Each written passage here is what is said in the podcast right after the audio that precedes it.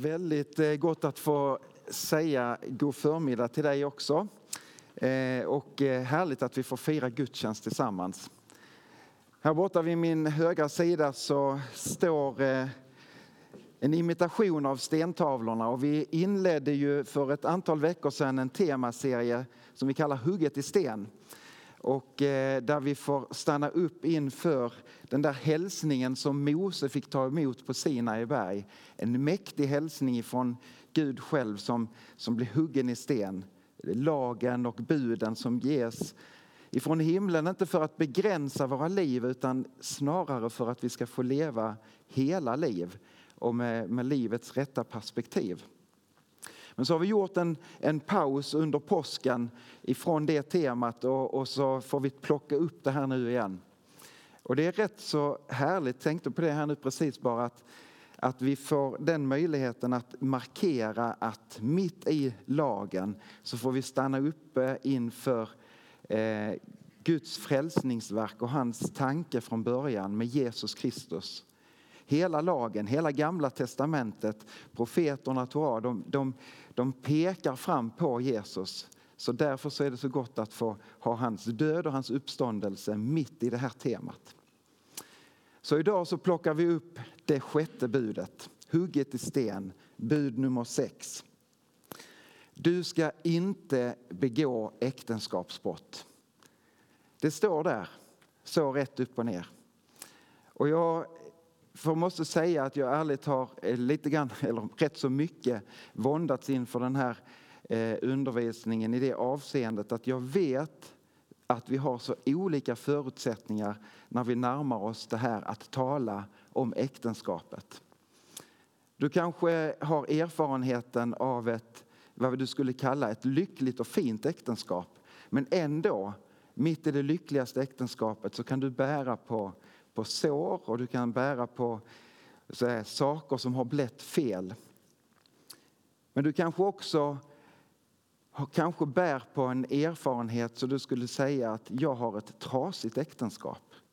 Jag lever i en trasig relation och där såren är så mycket många fler och så mycket djupare och det kanske har gått så långt så att det har spruckit.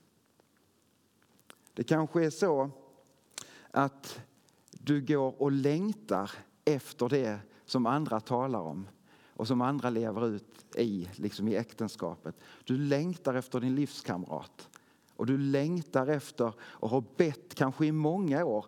Gode Gud, när ska jag få möta honom? När ska jag få möta henne? Och så har kanske till och med bönet, bönen tystnat i, i liksom att gett upp hoppet.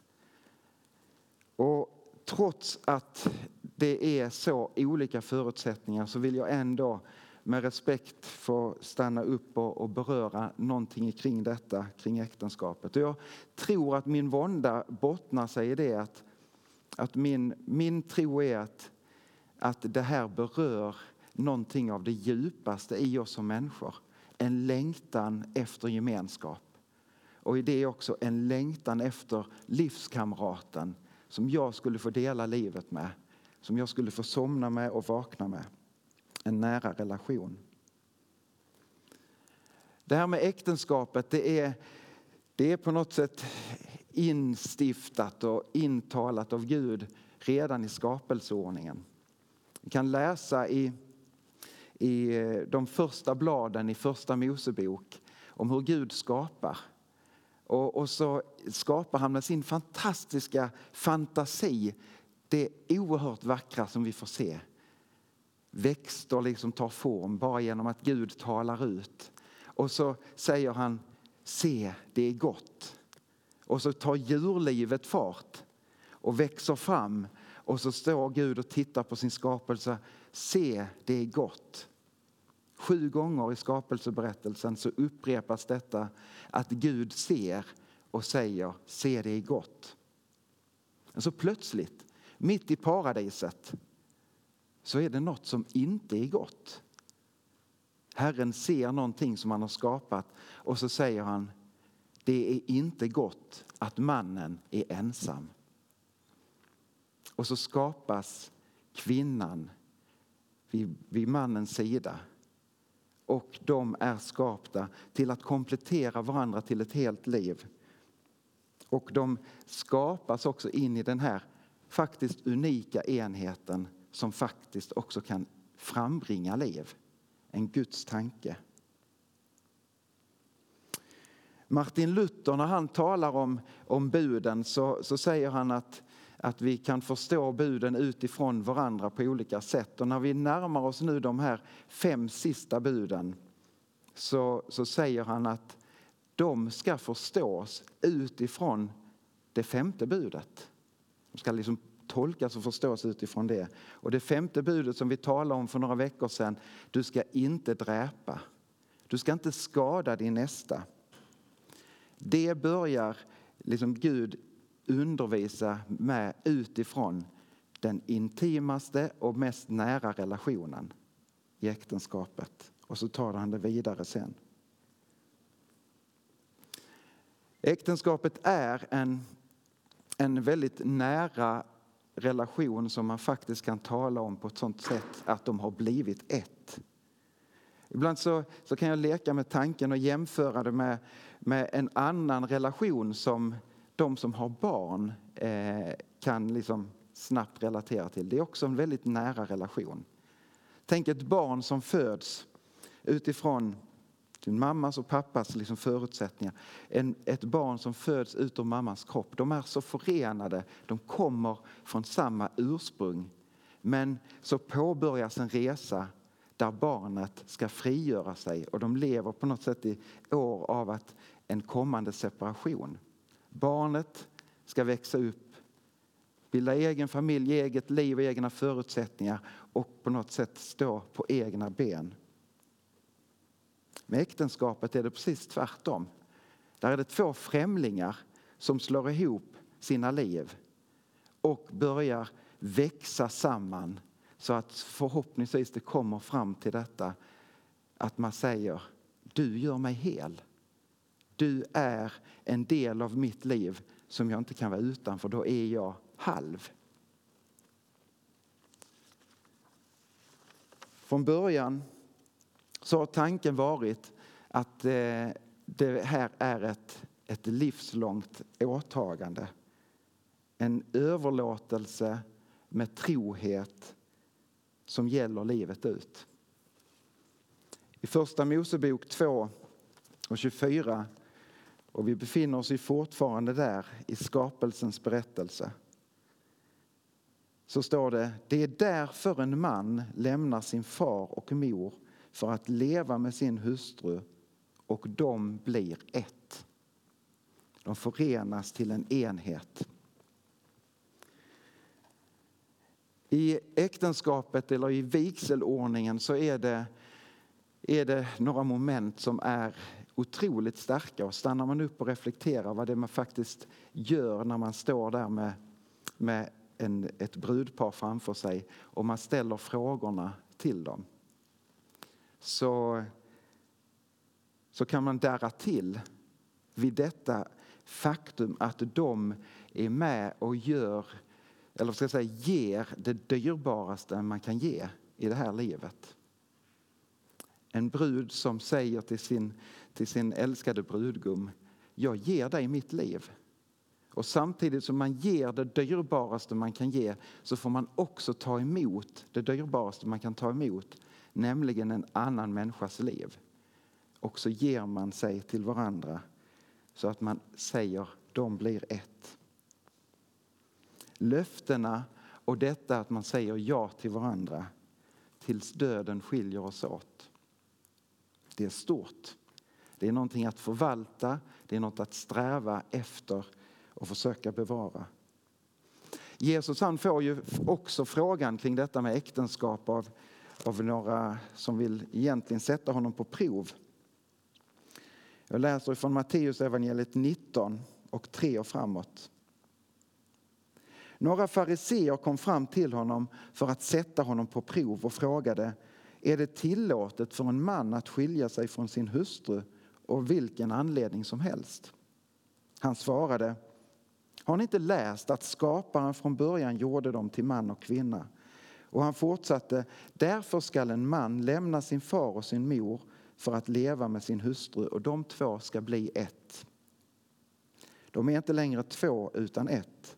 Vad Gud har fogat samman får människan alltså inte skilja åt. De frågade varför har i så fall Mose bestämt att mannen ska skriva ett skilsmässobrev för att skilja sig? Han svarade därför att ni är så förstockade så tillät Mose er att skiljas från sina hustrur. Men från början var det inte så. Här plockar Jesus upp orden som vi läste från skapelseberättelsen. De ska bli ett. Men så är han också i den insikten att vi lever i en trasig värld. Det blir inte alltid så som det var tänkt från början. Och det här påverkar alla områden i livet, också detta området med de nära relationerna och också ända in i äktenskapet. Där lever vi i en situation där vi är beroende av Guds förlåtelse, av Guds hjälp. Hjälp mig att älska min hustru ännu mer helt och ännu mer rent. Men det är också så här att när Jesus han undervisar, och vi tar del av den undervisningen i, i Matteus kapitel 5, och 6 och 7, i det vi kallar bergspredikan, så skärper ju Jesus buden.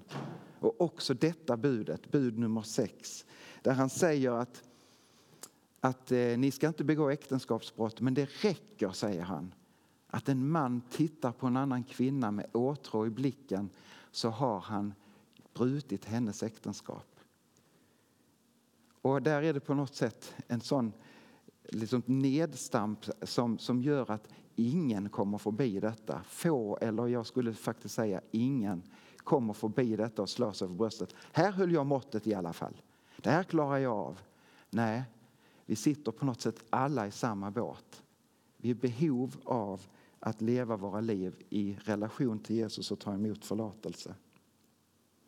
Så Jesu, det vi kan uppleva som Jesus stränga ord när han skärper buden, det är på något sätt givna därför att driva oss till honom.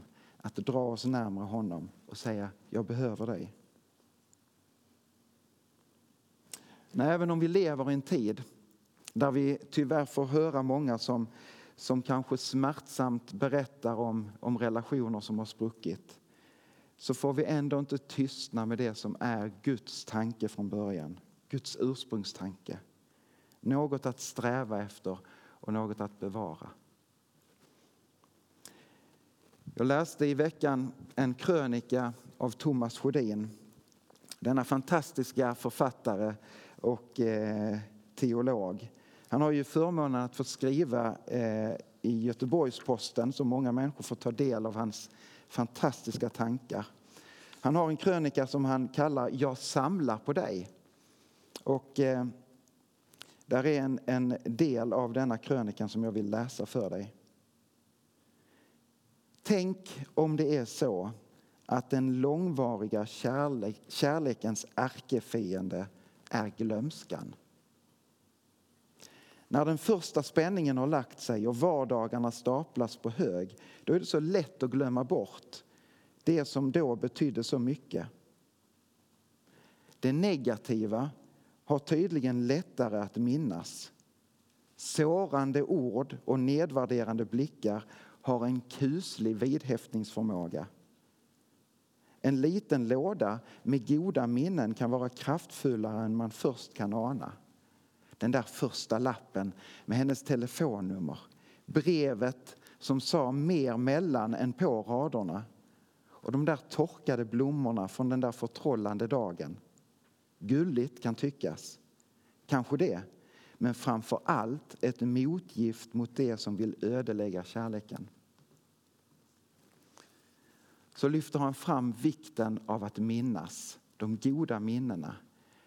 Att hålla fast vid dem och plocka fram dem och säga vi har ett gott liv tillsammans. De där tråkiga orden har en sån stark förmåga att göra avtryck på djupet. Men det kanske också minnena har om vi plockar fram dem. Löftena ska inte svika. Paulus han skriver också i Efesierbrevet eh, om äktenskapet med dessa ord. Ett stycke jag vill läsa för dig. Underordna er varandra för Kristus, i vördnad för Kristus. Ni kvinnor, foga er efter era män som efter Herren. Ty en man är sin hustrus huvud, liksom Kristus är kyrkans huvud. Han som också är frälsare för denna sin kropp. Och liksom kyrkan underordnar sig Kristus så skall också kvinnorna i allt underordna sig sina män. Ni män, älska era hustrur så som Kristus har älskat kyrkan och utlämnat sig själv för den för att helga den genom reningsbadet i vatten och genom dopet. Ty han ville själv låta kyrkan träda fram till sig i härlighet utan minsta fläck eller skrynkla. Helig och felfri skulle den vara. På samma sätt är också mannen skyldig att älska sin hustru som sin egen kropp. Den som älskar sin hustru älskar sig själv. Ty ingen har någonsin avskytt sin egen kropp utan man ger den näring och sköter om den så som Kristus gör med kyrkan. Vi är ju delarna som bildar hans kropp. Därför skall en man lämna sin far och sin mor och hålla sig till sin hustru och de två ska bli ett. Detta rymmer en stor hemlighet. Här låter jag det syfta på Kristus och kyrkan. Här talar Paulus om äktenskapet, men så lyfter han in den här bilden att det här handlar också om Kristus och kyrkan. Om brudgummen och bruden. Vi läste, och också Paulus citerar ju från, från eh, inledningen av Moseböckerna. Då ska en man lämna sin far. Och Jesus, Guds enda son, lämnar sin far för att möta dig. Det är stort. Brudgummen lämnar sitt ursprung för att möta sin brud så att de kan bli ett. Han avstod allt, sin jämlikhet med Gud och antog en tjänares gestalt för din och min skull. Vi har en fantastisk bröllopsfest att se fram emot. Vi kan läsa om den, Johannes får ana den och försöker beskriva den i den profetiska hälsningen i Uppenbarelseboken. Men vi har att se fram emot detta. Låt oss vara glada och jubla och ge honom vår hyllning. Ty tiden har kommit för Lammets bröllop och hans brud har gjort sig redo. Hon har fått rätt att klä sig i skinande vitt linnetyg. Ty linnetyget är de heligas rättfärdiga gärningar. I vigselordningen så ställs två frågor. En fråga till brudgummen och en fråga till bruden. Vill du ta emot? Och så kommer svaret ja. Frågan ställdes till Jesus på korset. Vill du ta emot? Och Jesus han svarar ett ja. Och frågan ställs också till bruden eller till dig idag. Vill du ta emot? Och du har möjlighet att svara ditt ja. Och så får du gå in i en förening med Gud själv som gör att ni faktiskt blir ett. Och vi får stå på löften som sträcker sig längre. När vi säger i, i vigselordningen, när vi gifter oss i, i, i kyrkan så är det tills döden skiljer oss åt. Men i, till Jesus fråga, när han ställer frågan, vill du ta emot? Och du svarar ditt ja, så är det löften som sträcker sig längre. Genom döden på korset, men in i evigheten och ett evigt liv. Ska vi be tillsammans?